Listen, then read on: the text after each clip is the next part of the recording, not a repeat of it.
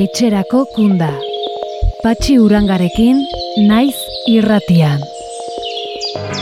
Zuen zatira, besti honen lerroak, kantu honen leloa. Zuen zatere, gure begirunea, sarkaba beroena.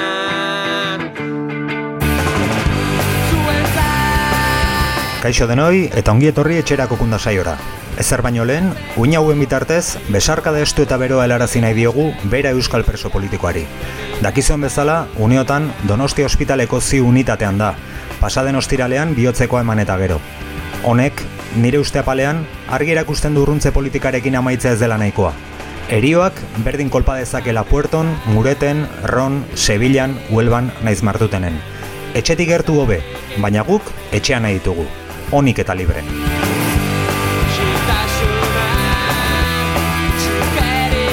Hau esan da, gaurko saioan bi gonbidatu izango ditugu. Lehen zatian, Joana Garmendiarekin izango gara, Ekai Sirbentek Euskarara itzulitako Gran Xiren liburuaz solasteko. Bigarren zatian berriz, biarnaz dokumentala izango dugu izpide. Horrez gain, Eusebio Lasarteren bertsoak ere izango ditugu, eta gurren bat ere entzungo dugu. Guazen astera!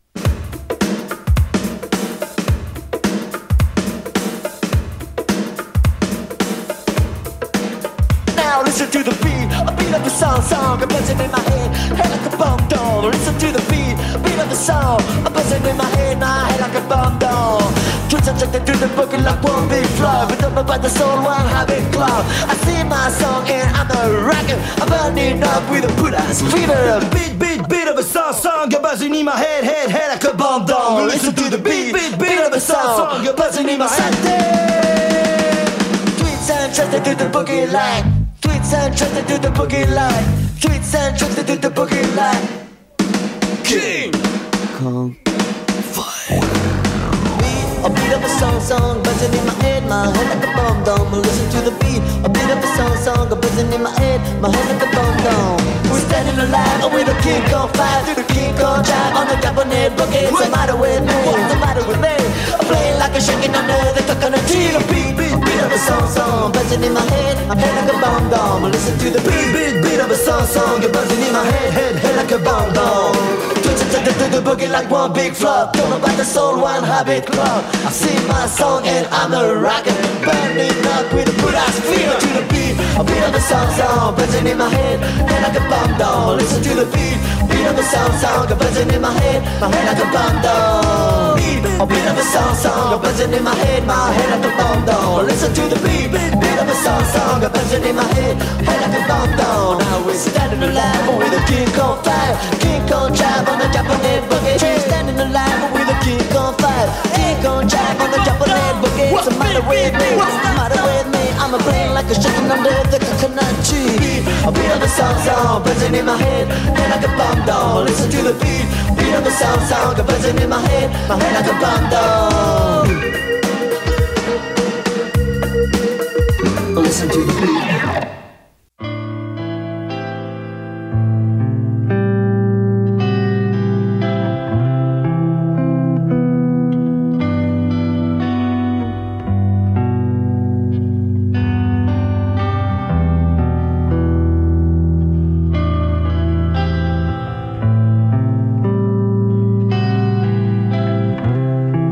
Girana iztaldearen erritmoan, kartzeletako aktualitateari tarte egingo diogu orain. Azken berrietakoa da, Lexuri Gailastegi, Berangarra eta Gorka Martinez, Urduliztarra, hurbilduak izan direla. Zehazki, Gailastegi, Martuteneko espetxera ekarri dute, eta Martinez, Duesotik, Basauriko espetxera.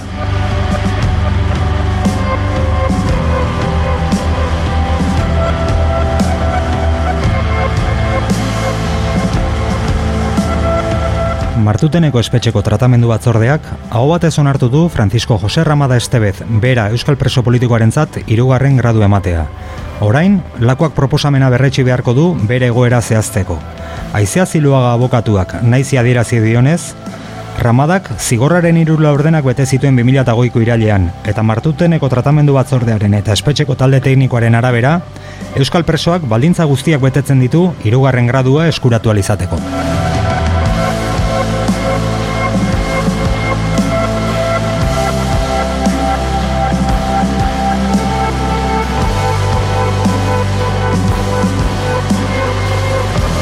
Izadi txikia algortan daia da, aitatxorekin, baina amatxo gabe. Bere aitatxo urtarrilaren hogeita batean atera zen aranjuezetik irugarren graduan, eta urtarrilaren hogeita lauan aurkeztu behar izan zuen zabailako kartzelan, irugarren graduaren ondik norakoen berri jasotzeko. Baina hori baino lehen, izadik hiru urte betetzen zituen egunean, aranjuez ere itzuli behar izan zuen alaba jasotzeko. Bitartean, algortan, ehunka lagun bildu ziren familia banatu ez dezaten eskatzeko. Izadi gurasoekin etxera plataformako larraitz urra. Bai, e, bazekiten izadiren azken eguna zein izango zen, baina inigorena, ba, ba azken astean edo jakin izan dugu aterako zutela e, zenekin oso ondo noiz, eta azkenean ba, ostiralean izan da. E, berak nahi izango luke igandean alabarekin batera irtetzea, baina e, ez diote utzi, eta orduan ba irten da ia egun bat e, lehenago.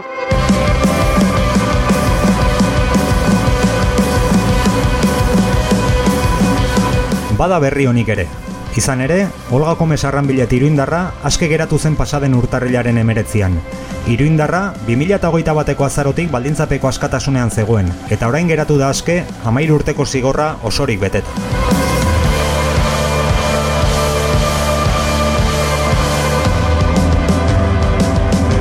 Etxerat elkartearen behar ekonomikoi aurre egiteko kinkea promozioa abian da. Oraingoan, arantza eziolaza ilustratzailearen laulan jarriko dira salgai. Ilustrazio bakoitza, hogeita boste eurotan egongo da salgai, eta erosle bakoitzak, zozketa baten parte hartzeko boleto bat jasoko du.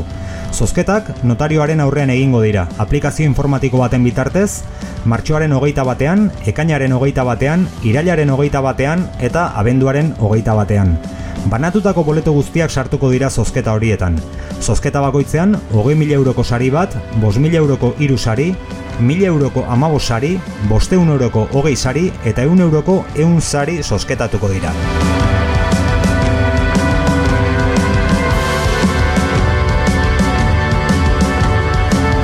Aktualitatearen tarte amaitu eta lehen elkarrizketari hasiera eman aurretik, musika pixka bat jarriko dugu orain. Aurreko batean, A.M. izeneko entzuleak, kariño guztiarekin aipatu zidan, ea noiz artekatu dezakedan kantu zarren bat. Bere hitzetan, zoritxarrez, zar asko baitago barruan. Bai bai, zarrak deitu zaituzte. Ados, ez zaudetela ernai bezalako mugimendu baterako. Baina zarrak, ez dakipanik. Asko dugu egiko ez ikasteko. Gu baino kontzeptu zabalagoa baitute gaztaroaz. Ea, ea, zer dion datorren abestiak.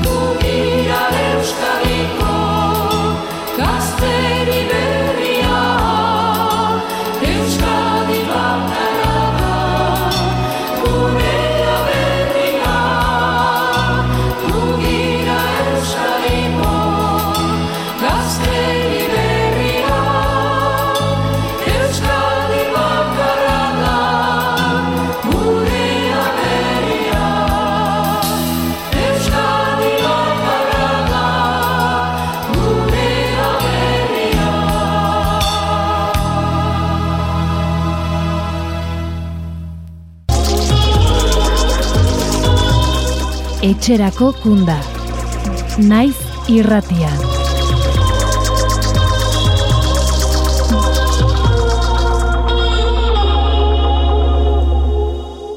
«11 marzo 1929. Carissima Giulia, ho ricevuto la tua lettera del 21 febbraio, alla quale non potrei rispondere in altro modo che facendoti una carezza. Antonio Gramsci italiar politikari eta pentsalari marxista izan zen. Besteak beste, Italiako alderdi komunistaren sortzailetako bat. Italiako parlamentuan diputatu, fasismoaren gorakada eragozten saiatu zen. Mussoliniren poliziak mila bederatzireun eta hogeita seigarren urtean atxilotua, hamar urte pasatxo eman zituen kartzelan. Bere eriotzaren nondin orakoak, etzaizkigu arrotzak Euskal Herrian. Izan ere, askelaga eta hiru egunetara hiltzen Gramsci. Ezaguna da oso bere kartzelako gutunak liburua. Gatibu zela idatzitako berreun demesortzi gutunekin osatutako liburua. Bera hil eta urtera argitaratua. Liburu hau, Euskaraz itzuli du ekaitz xirbent preso politiko zaraustarrak, monde marsaneko kartzelan. Euskaraz itzulitako granxiren lehen lana injustu. Itzulpen honen nondik norako ezerbait gehiago jakin nahian, prozesu osoan xirbenti laguntzen aritu den Joana Garmendia filosofian doktore, ikertzaile eta irakaslearekin egon gara. Joana Garmendia, ongi etorri etxerako kunda saiora. Bai, kaixo. Bueno, hemen ari naiz ikusten eh, Antonio Granxiren kartzelako gutunak, ekaitz xirbent preso politikoak itzulia. Zer mm. topatuko dugu liburu honetan, Joana? Ba, liburu hau da, eh, Antonio Granxi izan da, hogei garren mendeko pentsalari marxista hundinetako bat, eta em, kartzelan entzitun urteetan idatzi zituen bueno, lan pila bat idatzi zitun, horietako batzuk em, ba, dianak ideologia politikoa buruzkoak e, dianak, hausnarketa politikoak dianak, kartzelako kuadernoetan daude argitaratuta, baina gero baita ere idatzi zituen gutun pila bat, e, familiakoei, zemeei, e, anai arrebei, emazteari, eta liburuntan e, hori daude bilduta. Alegia idatzi zituen gutunei guztiak daude bilduta.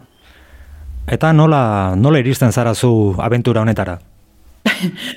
bueno, ba, nahiko kasualidadez, en, ekaitzek en, zeukan proiektu hau, en, Gramsciin kartzelako gutunak itzuli nahi zitun euskerara, eta jarriztan harremanetan katakrak argitaletxeko edo etxarterekin, ari ide hona iruditu zitzaion, eta horla biara zituten bereien artean e, proiektua. Eta ni aldi hartan, justu gara hartan egin nitzan ekaitzi laguntzen e, filosofiako karrera egiten nahi zan, eta orduan unibertsiadeko kontuekin, eta bide batez, ba, honekin ere laguntzen hasi nintzen, da bitarteko lanak egin dizkiot. Baina itzulpen lana e, nekaitzen izan da, eta edizio lana e, edo itxarterena, eta gero zuzenketa eta horrazteko lana e, Josu Zabaletaren izan da. Bueno, polita ikusten duzu zure buruari merituak entzea, baina ez ez benetan da ala. Bale, bale. Eta zenbat denbora, zenbat, zenbateko prozesu izan da guzti hau? Ez da errexe esaten, ze ez da limanako karrekaitz, taraskoneko kartzelan zegoela ja asizan horrekin buruan ze hau, eta asizan e, nuitzulpen ataza batzuk itzultzen, eta asizan. Baina, bain dela, bi edo urte izango da nik uste, ja edo ikirekin hitz egin da, ja e, serioago hartu zuen hau, eta ja epe eta zitziten asizirena, eta ja ja, buru batekin e, asistena itzultzen. Eta noski, dauden medioekin gutunak eta abar, ba, den dena luzatzen da. Mm, bai, bai, ez da retxa. Itzultzea berez da lan nekeza. Nik uste itzulpen gintzen aritu ezanak e, segurasko ez dula imaginatu ere egingo itzultzea gauza nekeza da. Eta batez ere ez da bakarrik egiteko gauzain e, simplea e, itzultzea. Behar dituzu konsultarako tresna behar dituzu, baliabide asko behar dituzu, e, jendeari galtu nahi duzu, hau nola esan, bestean nola esan, eta horretarako behar dituzu liburuak, behar duzu internet zarea, eta behar duzu jendearekin kontaktua, eta hiru gauza ez daude kartzelan beraz asko zailtzen du itzulpengintzako prozesu asko e, zaltzen du zailtzen du egoerak. Eta gero komunikazio arazoak bazerra esanik ez? Bai editorekin hitz egiteko gurituak helarazteko dena da komplikatuagoa bai. Erraztasun ba, erraztasun bakar bat ere orduan? Mm, esango nuke ez, ez. Gainera jenteak pentsatzen du, bada hormito bat pentsa, e, nik uste nahiko zabaldua, e, pentsatzen duena, e, kartzelaleku egokia dela lanerako edo lan intelektualerako entzat. Alegia denbora soberan eta patxadan eta horrelako zerrain badago. E, irakasle asko kere hori pentsatzen dute ikasleak ditugunean kartzelan daudenak. Denbora besterik ez eta eta lanerako. Baino bai ekaitzekin ikusi dut prozesunetan eta bai grantxik berak liburuan baino gehiagotan esaten du kartzela ez dela, ez dela leku ona ez da lanerako ere. Alegia, eguneroko bizitzan dauden muga guztiak kartzela batean, horiek muga guzti horiek en, eragin egiten dutela lanean irakurtzen idazten saiatzen zarenean ere. Beraz, hori ere gaineratzen zaio. Bai. Barkatu Joana, e, burua korto zirkuitatu diazu, esaten ari zara, badela jendea pentsatzen duena, kartzela toki egokia dela horrelako lan bat egiteko? Bueno, ez dakiz bateraino, igual ez da jende asko pentsamendua, baina bat baino gehiago hori en, entzun didot. Bai, bai, bai. Karreran ere lana prestatzen ari ginen ere, eta badirudi lana soberan en, distrakzio handirik ez, eta denbora libu artean egoteko dela denok behar dugun gauza bakarra lan intelektual hori edo egiteko. Bai, Eta bueno, inundik inora. azaldu diezaiok egu horri gehitu behar zaiola espazio egokia, elikadura kalitatezkoa, e, harmonia, laguntza, teknologia, oso ondo, doazela, doazela lanerara? Hor badira, bai, bai, bai, bai. Horre, estatu frantsesean baditugu hogeita mar bat e, e- herrikide, ba, gustora lagako dietenak bere tokia. Ba, bai, ba, bai, alaxe da. Baina, bueno, en, oi, ekaitzekin prozesuan bertan bai ikusi dugu, eta e, liburuan oso ondo ikusi, eta Gramsci hasiera nola kontatzen du, ba, kartzelan, e, kartzelako bizimodu oso ondo esplikatzen du, osea, e, detai askokin, eta oso kontakizun humanoa da, e, gutun hauetan dagona. Eta hasieran liburu asko eskatzen ditu, eta eskatzen die emazteari eta bidaltzeko revistak, eta egunkariak ze irakurtzen duen, eta Baina pixkanaka pixkanaka bera onartzen dijoa eta oso nabarmen gelditzen da gutunetan idazteko ere indar handirik ez, pentsatzeko ere berak dio ganora handirik ez, eta horrela ezin dela. Horrela ezin dela. Hala ere, izugarri idatzi zuen kartzelan eta lan handia utzi zuen egina, eh? Baina, bai, hori xera aurkituko dugu.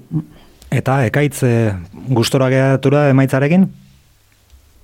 Nik uste dut, baietz, berari galatu barko zaio, eta oso zaila da, inor bere lanakin gustora gelitzea, eta itzulpen batekin, beti ikuste dut, zu hau horrela egin izan banu, baina, bai, bai, nik uste dut oso gustora. Eta gaina hasierako hasieratik bazakien mugak izango zituela, kartzelan egin barko zuenez e, itzulpena, gaina lehenik ere e, beste itzulpen batzuk eginak ditu, beraz bazakien e, zertarazi joan, eta horregatik hasieratik tratua zen edo ikero edizio lan egingo zuen eta bet zere e, Josu Zabaletak izugarrizko lan egin du testuak orrazten. Beraz, ekaitzi falta izan zaizkion baliabide guztiak Josuk izan ditu kanpoan eta hori nabari zaio baita ere e, azken emaitzari. Hm.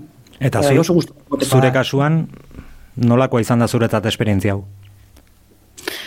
Ba, nik ere ikeragarrik hasi dut, esango dizut, osea, hasita hasieratik harremanarekin e, unibertsitateko ikasketak egiten ari zela bitartekaritza lanarekin, imaginatuko ez nituen oztopoak sortzen ziren eta horiek nola konpondu eta gero honekin berdin. Azkenean zirrikituak bilatu behar alde guztietan e, lan hau alden eta txukunen egiteko.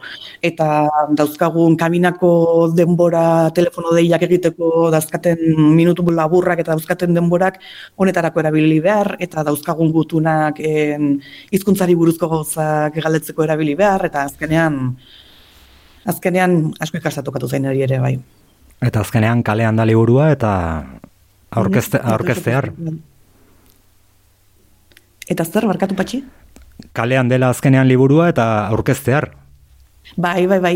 Abenduan egin genuen lehenengo aurkezpena Donostian, en, Donostiako liburutegian, eta orain zarautzen egingo dugu, ekaitz zarauztarra denez, en, bi aste barru zarautzen egingo dugu liburuaren aurkezpena garoa e, liburu dendan. Mhm. Ongi, eta izu, elkarrizketa pixka bat amaitzeko, e, elkarrizketa guztiko galderarik serioena egin nahi dizut. Aber bota. Beldur handia pasa zenuen preso batekin harremanetan jartzen? Ikaragarria, bai, bai. Hau izan da, nire biztako esperientziaik bildurgarrena patxi. Ze esango ditu zuri. Bai, eta begia gorriak ditu? Begi gorriko lentzaroko ez dela, bai. Eta isatxa eta... Zizkitzu dena kontatuko ez. Bueno, bueno, bueno, heroina bat zara, eh? Mila esker, mila esker zure ausardiagatik. Eta, eta preso bat rehabilitatzen laguntzagatik. Ale, eskerrik asko patxi. Bueno, Joana Gabrmendia, ba, mila mila esker, doala dena ondo, eta, eta ea ba, ea zer moduz doan aurkezpena. Ondo, seguro. Mm, Eskerrik asko, ondo segi. Bejonda izuela. Jo. Aio. del pugno che colpirà in ogni paese, in ogni città. Chi cammina sopra i corpi, violenta le culture, cancella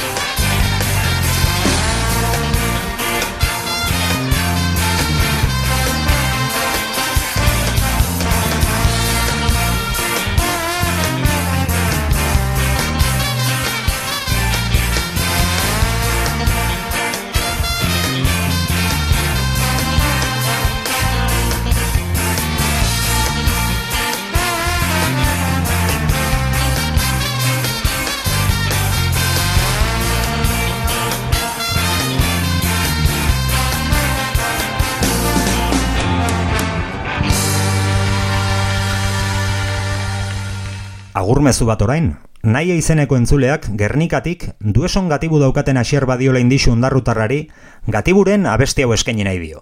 Hasi, bueno, mesu hau, Gerniketik eh, Santoña arte, bizotzez, ez dut gure izen galdu aukeri, eh, ba, bueno, e aukera hau eskaini dozkue zu hori ba, mesutxu betela erazteko, eta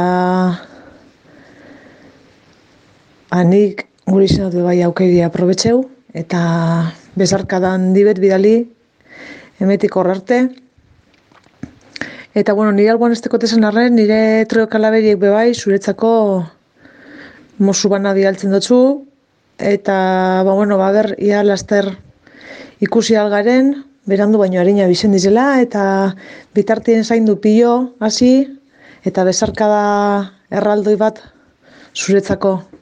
Mi yemosu.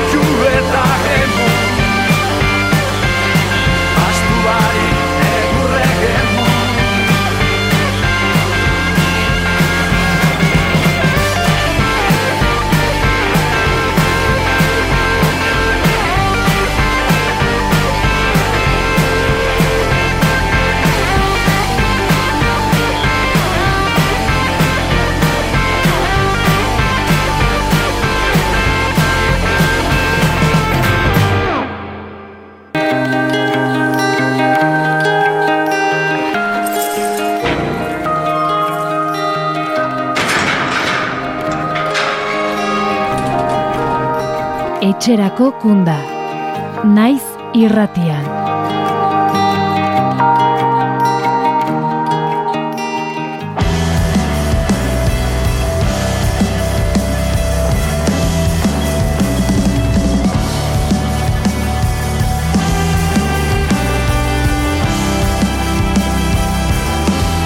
Aurreko asteko saioan aipatu genuen bezala, abian da Biarnas izeneko dokumentala egiteko dirubilketa kanpaina. Imanol Arzuaga Kima egilea dugu gurekin eta berak azalduko dizkigu proiektuaren nondik norakoak. Imanol Arzuaga Kima, ongi etorri etxerako kundara. Kaixo, atxaldeon. Bueno, e, lehen galdera, zer da Biarnas proiektu honen atzean dagoena?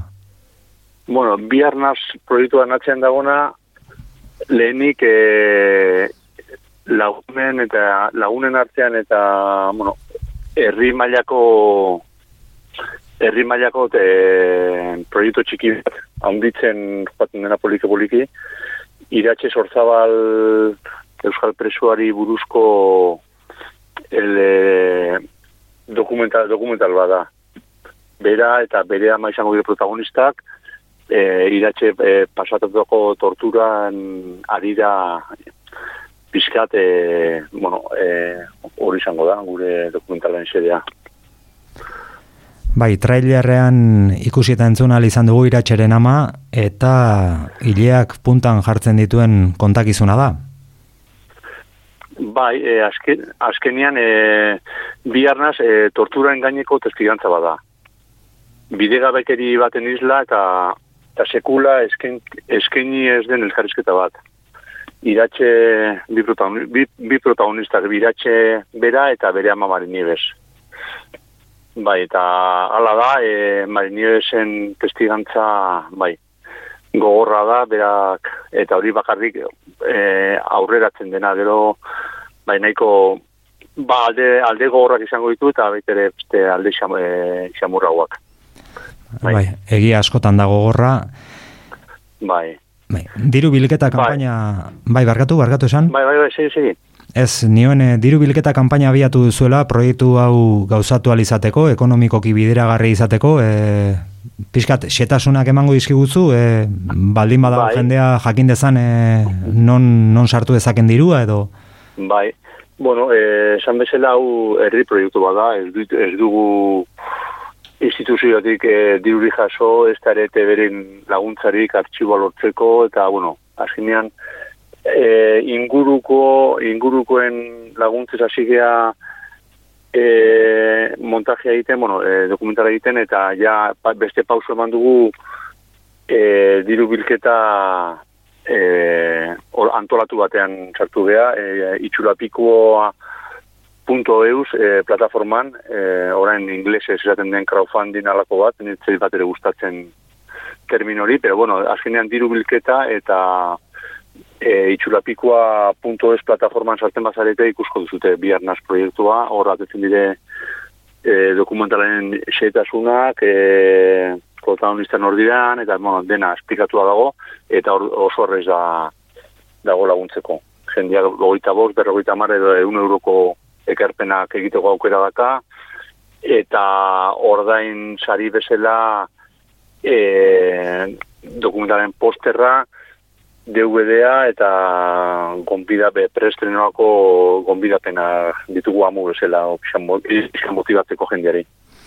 Itxulapiko.eu saipatu duzu, beraz, zentzuleak jakin dezan, itxulapikoa.eus barkatu, e, jendea Bai. jakin dezan e, nola lagun dezaken, modurik onena hori Bai. izango da, crowdfunding ez, auzolanean, Bai, bai, bai, itxulapikoa, eh, erabaki dugu itxulapikokin eh, hau egitea eh, baita ere, pues, eh, herri Euskal Herriko plataforma dela, eta, bueno, irabaziz gabeko plataforma delako, ez daka irabazi gaz, eh, eh, asmorik eh, itxulapik bestare, eta, bueno, pues, irutzen zaigu baita ere, hemen eh, jorratu baritugula baita ere gauzak. Ez eh, atzerera joan edo, ba, hau beste plataforma batzu potentegoa, baina, bueno, gu apostua Euskal Herriko errealitatera egiten dugu apostuare bai, hortan ere. Esan diguzu hasieran e, iratxeren laguna zarela, eta nola dago uneotan e, dokumentaleko protagonistetako bat? Bueno, iratxe momentu honetan e, estremerako espetxen dago, orain dela amar bat egun ekarri zuten, eman zuten e, reo espetxetik e, estremerara. E, epaiketa, e, epaiketa dauka e, otxailean zazpika sortzian, eta orduan e, ekarri dute urtarrilak amabostetik e, martxoaren amabost arte, eta epe hortan epaituko dute. Momentu honetan, e, gaur atetzeko da isolamendutik, oraindik ez da atera medikoaren medikoaren zein dago, eta bueno, handik e, reotik ateratzeko PCR bat entzioten, e, negatibo izan duzen, e, isolatu egondu da, eta gaur medikoaren zai dago, ea modulan sartzen dute. Eta esperantza pixkat, ea e, irantzukin, irantzuka jaztegiren modulo berdinen sartzen duten, eta bueno, gutxinez, e, kide batekin begoteko aukera Bai, aldea baitago, modulo batean Bai. bakarrik edon edo beste kideren baten goxotasuna eduki. Animoz, nola dago iratxe? Bueno, eh, animos eh, esperantzas handirik ez daka. Eh, paiketa, paiketa zer den audientzia nazionala, frogarik ez dute bere kontra, baina torturapen ateratako deklarazio besterik, eta realista da. Bai bera eta bai ingurua, eta bai ama realista, realista da bere inguruare bai zaila da kala, pero bueno, eh, aurrera begira. Animos ez dago kriston animonekin, baina aurre egiteko gogokin eta indar, indarrez, indartxu. Zuzeok esan duzu errealista dela, eta egoerak zer diren, egunotan e, irakurri izan dugu gara egunkarian e, Ramon Solaren artikulu bat, esaten duena, ba, Eusko Jaularitza bezalako erakunde batek e, tortura, onartu duena, torturaren praktika onartu duena, nola estatuko segurtasun indarrak babestu dituen eta esan duen e, pairatu omen zuten jazarpena bidegabe izan zela. Kuriosoa ez da, alde batetik e, tortura egon badela onartzen duzu eta bestetik e, torturatzaileak edo babesten dituzu. Bai, horrela da, eta eta 2000 eta batean atxilotu eta torturatu zutenean, baita ere jalbaritzak eta froga zeuden, iratzen kasuan sorte txiki hori zuen froga zeudela, eta zerbait egingo zutela, baina ezean, ezean geratu da jalbaritzaren erantzuna, eta eta bai, e- ez da espero asko jalbaritzatik ez dara, egia esan. Eta bai, bai, e, nahiko mingarria da, nahiko mingarria da nola torturatzaileak hola babestu eta hola maitatu izatea. Ongi da, Imanol, ez dakit zerbait gehiago gaineratu nahi baduzu, dokumentalaren inguruan, iratxeri buru, zurea deitza. Bueno, e, dokumentala e, proiektu txiki bat initzen genula montatu olako, olako ezer, e, maitasunagatik eta militantzeatik ateratako gauz bada, eta gorpuzten nahi da, eta eta bai harritu gara ze laguntza dugun jendea, jendeangatik. Eta konplize pila bat topatu ditugu. Bai Euskal Herrian, Madriden egon geha, oin bat barkatu Parisen egon grabatzen, e, Suizan e, nekan etxapartikin baita egon ginen grabatzen, alde guztitan kriston konplize pila lortu ditugu, eta eta esperientzia bezala oso polita. E, eta, bueno, e, horre baita alde baikorra, ikus, iku, alde polita ikusten dugula, badagola herri hontan gauza egiteko gauza indarra eta eta kemena. Eta e, gu jarraitzen dugu jarraituko dugu diru bilketakin, uste dugu iritsiko gehala, e, nahi dugu profesional tasun puntu bat izatea eta orduan horrek e, e, gastuak handitzen dira, bueno, lortuko dugu baikor geha eta lortuko dugu edan. Ea ba, ea ba, lortzen duzuen eta jendeak erantzuten jarraitzen duen. Hilabetean lortuko dugura amabos mila euroko helburua. Zike posik eta keskatua iratzen egoerakin eta eta aurrera. Horixe, ba, Eta, bueno, eskertu nahi nizuen e, e, deitzegatik eta iratxekaz e, arduratzegatik. bueno, hor, horretarako gaude. Horretarako Vale, gaude, vale. Ba, bueno, pues... mila, mila eh? esker. Eta badakizu hemen gaude nahi duztenerako, gu e, epaiketara joateko asma dugu, eta nahi baduzte informazio gehiorik, e, bueno, pues, han bertan egun berdinan nahi balin ditu, edo pres gaude esuentzat. Ba, mila, mila esker, izango gara harremanetan, animo proiektuarekin, irrikitan Bai. gaude ikusteko, e, naiz Bai. eta egia mingarri izan eta naiz eta iratxeren amarena bezalako testigantzek e, barrenak nasiko dizkiguten, Bai. baina Bai, bon- beharrezkoa da terapia. Bai, gauzatxo zaitu esatea. Bai. Gure asmoa da, e, apirilean e, donostien giza eskubideen e, zinemaldira aurkestea, eta hor buru belarri ila bukatzen dugun. Eta horrek ate asko irekiko dizkigu gero herri zerri biltzeko eta pizkate zabalpena egiteko. Hortan gaude eta, ber, suerte dugun. Seguru lortuko duzuela, hemendik jaso gure bultzada, gure animoa eta, eta aurrera. Vale, vale, mila esker, Imanol. Bai, aio. Ondo izan. Aio.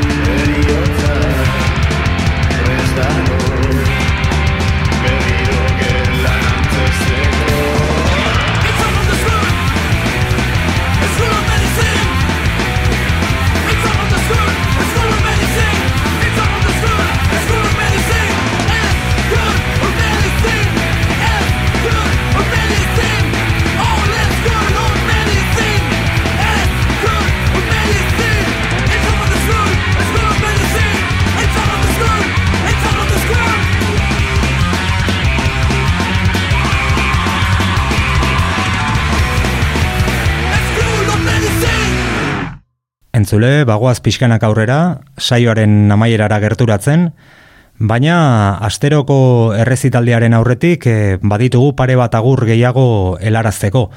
Asier Badiolanena izan da lehenengoa, eta oraingo honetan e, Gile Merino daukagu agurtzeko.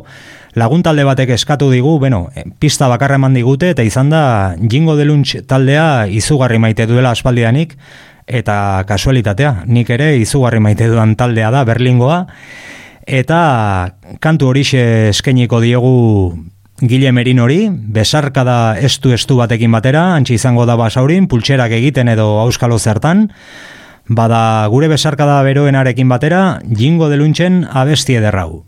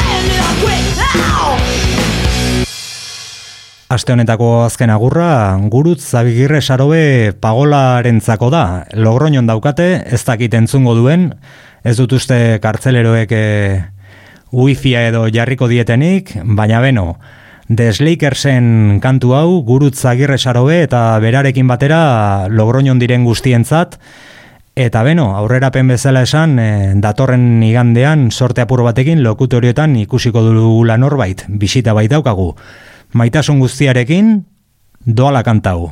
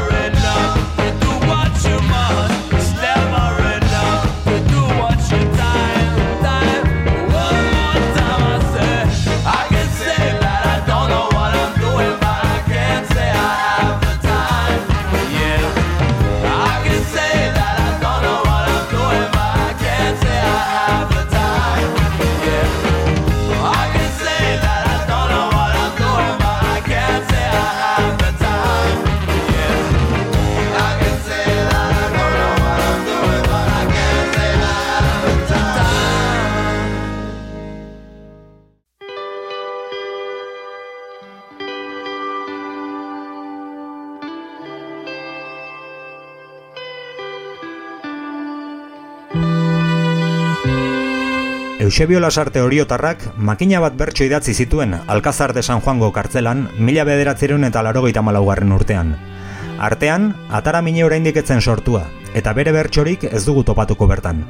Baina gure deiari berezkoa duen prestutasuna zerantzun, eta honako bertsoak oparitu dizkigu, entzule guztiak, baina bereziki gatibu daudenak gogoan dituela. Egoerari berrezoz astea, pentsatzen dena adieraztea. Jendeak ez du ezer jakinai, hause da buru austea. Hauxe da buru austea, ideiak penan atea, duintasunak katea, nundago libertatea, jainko bakarra erreuetan, nere patrika maitea, politikori sinistea da, egia ez sinistea, egia ez sinistea. Nortasunean algera de gai berdintasuna batzuek etzai elkar zapaltzen baldin badegu oso gustora ta alai. Oso gustora ta alai. Hipokresia da galai frutu gabeko arbola nahi etorkizun petralasai lana eginda eskeragoaz izardiakin dago jai. Azken finean pertsona gaude perifaltzo baten salgai. Perifaltzo baten salgai Osik ez dago borrokarako, sukar haundia da lotarako, jeikitzen gera amets goxoaz, baina ez da ezertarako, baina ez da ezertarako. Demokrazia aukerako, teorian da gerako, Europa komunerako giltzapen dauden abertzaleak alditugu aterako. Batasunikan ez badegu nahi politika zertarako politika zertarako. Doinuan izenburua naufragoa amuritzana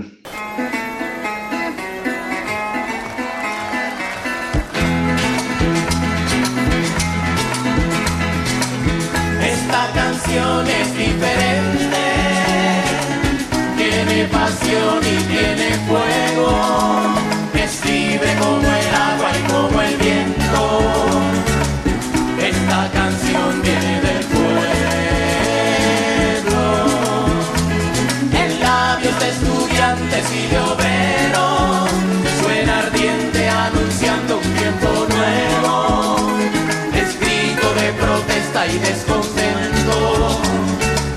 Esta canción viene del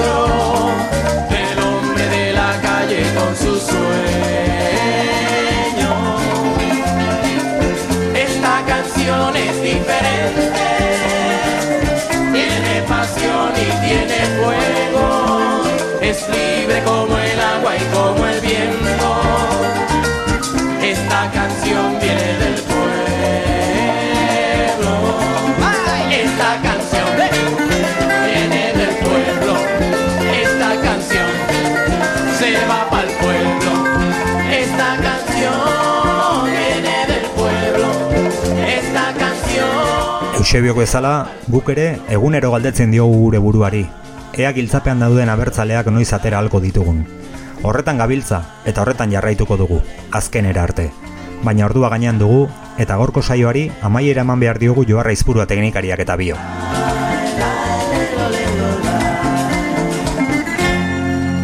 Entzule, plazera izan da. Datorren astean, okerrik ezean, hemen izango gaituzue etxerako kundan. Beti, azken kunda izango den itxaropenaz. Etxera ekarriko dituen kundan. Bitartean, ondo izan, eutxikastari eta aurrera beti. Aio!